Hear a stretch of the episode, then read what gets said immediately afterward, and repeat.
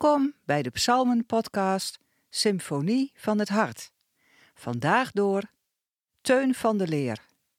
We lezen vandaag Psalm 77. Voor de koorleider op de wijs van Jeduten van Asaf een psalm. Luid roep ik God, ik schreeuw het uit, luid roep ik God, dat Hij mij hoort. Op de dag van mijn nood zoek ik de Heer, bij nacht hef ik mijn handen rusteloos, mijn ziel laat zich niet troosten. Ik denk aan God en moet zuchten. Mijn gedachten vermoeien mijn geest.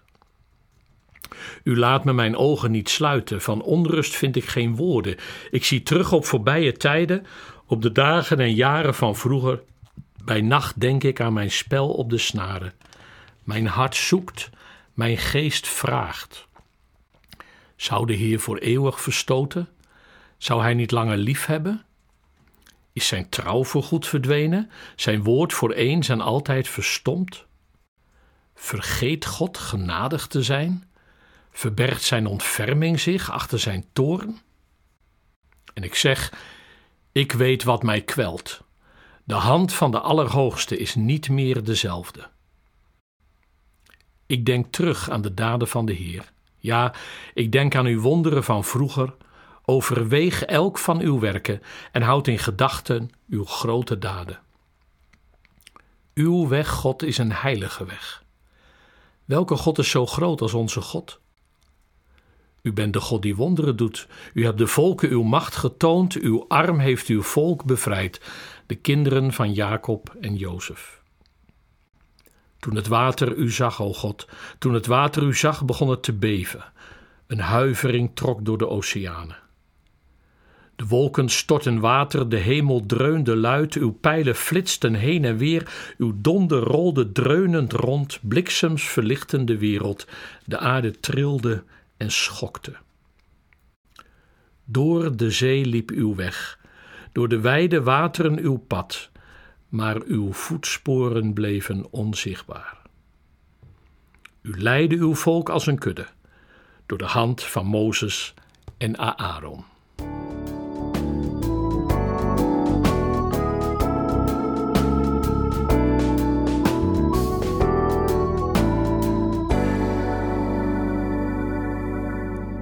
Bij de meeste mensen lopen geloof en ervaring niet altijd parallel.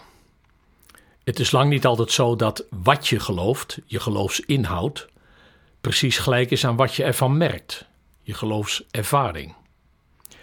Geloven dat God liefde is, dat Hij geneest, dat Hij altijd bij je is en je nooit in de steek laat, is één ding. Dit ook altijd zo ervaren, is nog heel wat anders.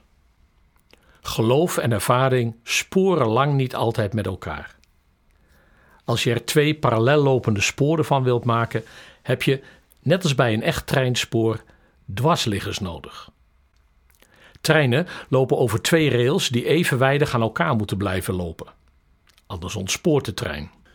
Om dat te voorkomen worden de rails bijeengehouden door zogenaamde dwarsliggers, bielsen van hout of beton. Over die dwarsliggers gaat deze psalm. De psalm valt uiteen in twee delen. Je zou kunnen zeggen dat de eerste elf versen de beide uiteenlopende sporen van geloof en ervaring behandelen, en dat de versen 12 tot 21 over de dwarsliggers gaan die ze bijeenhouden of, in dit geval, weer bijeenbrengen. Dat eerste stuk heeft alle trekken van een volbloed klaagpsalm.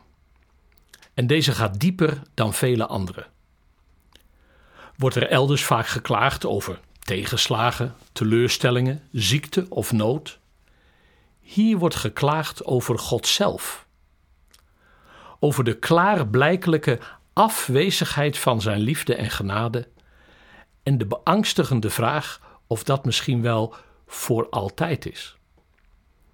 Asaf is niet alleen in diepe nood, maar zijn diepste nood in die nood is de vraag of God soms veranderd is of zijn trouw soms is verdwenen en zijn woord verstomd.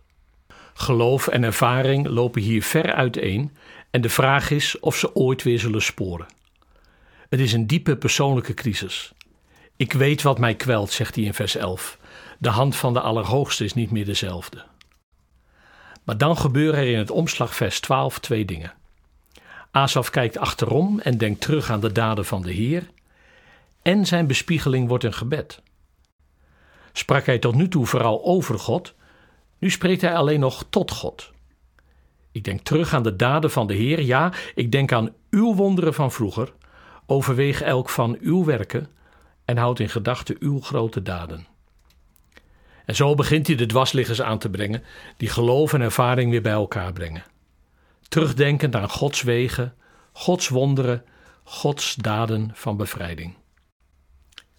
Willem Barnard noemt het Joodse volk een volk met een toegewijd geheugen. Het gedenken zit haar in het bloed. Want vergeten is ballingschap, gedenken is verlossing. In het gedenken wordt de afwezigheid van God in het heden geplaatst naast zijn aanwezigheid in het verleden, die daarmee weer aanwezigheid in het heden wordt. Want gedenken is meer dan terugdenken aan. Het is present stellen, je identificeren met dat verleden en er deel aan hebben. Zoals Joden nog jaarlijks bij Pesach zeggen: Wij waren slaven in Egypte, maar met sterke hand heeft de Heer ons uit Egypte bevrijd. Zo word je deel van Gods geschiedenis met zijn volk. En dat is een groot reservoir om uit te putten. Veel groter dan dat van je eigen leven en ervaringen. Vandaar dat Asaf na vers 12 overgaat van ik naar ons. God leidt ons als een volk, als een kudde, door de hand van Mozes en Aaron. Maar die woorden eindigt de psalm redelijk abrupt. Het is een open einde. Niet alles is opgelost en niet alle vragen zijn beantwoord. Gods voetsporen blijven onzichtbaar, zegt vers 20. Narekenen kunnen we hem niet. Maar dit staat vast. Er valt veel te gedenken en daarom ook veel te verwachten. Want God leidt ons als een kudde. Zo houden de dwarsliggers gedenken en verwachten, de rails van geloof en ervaring bij elkaar.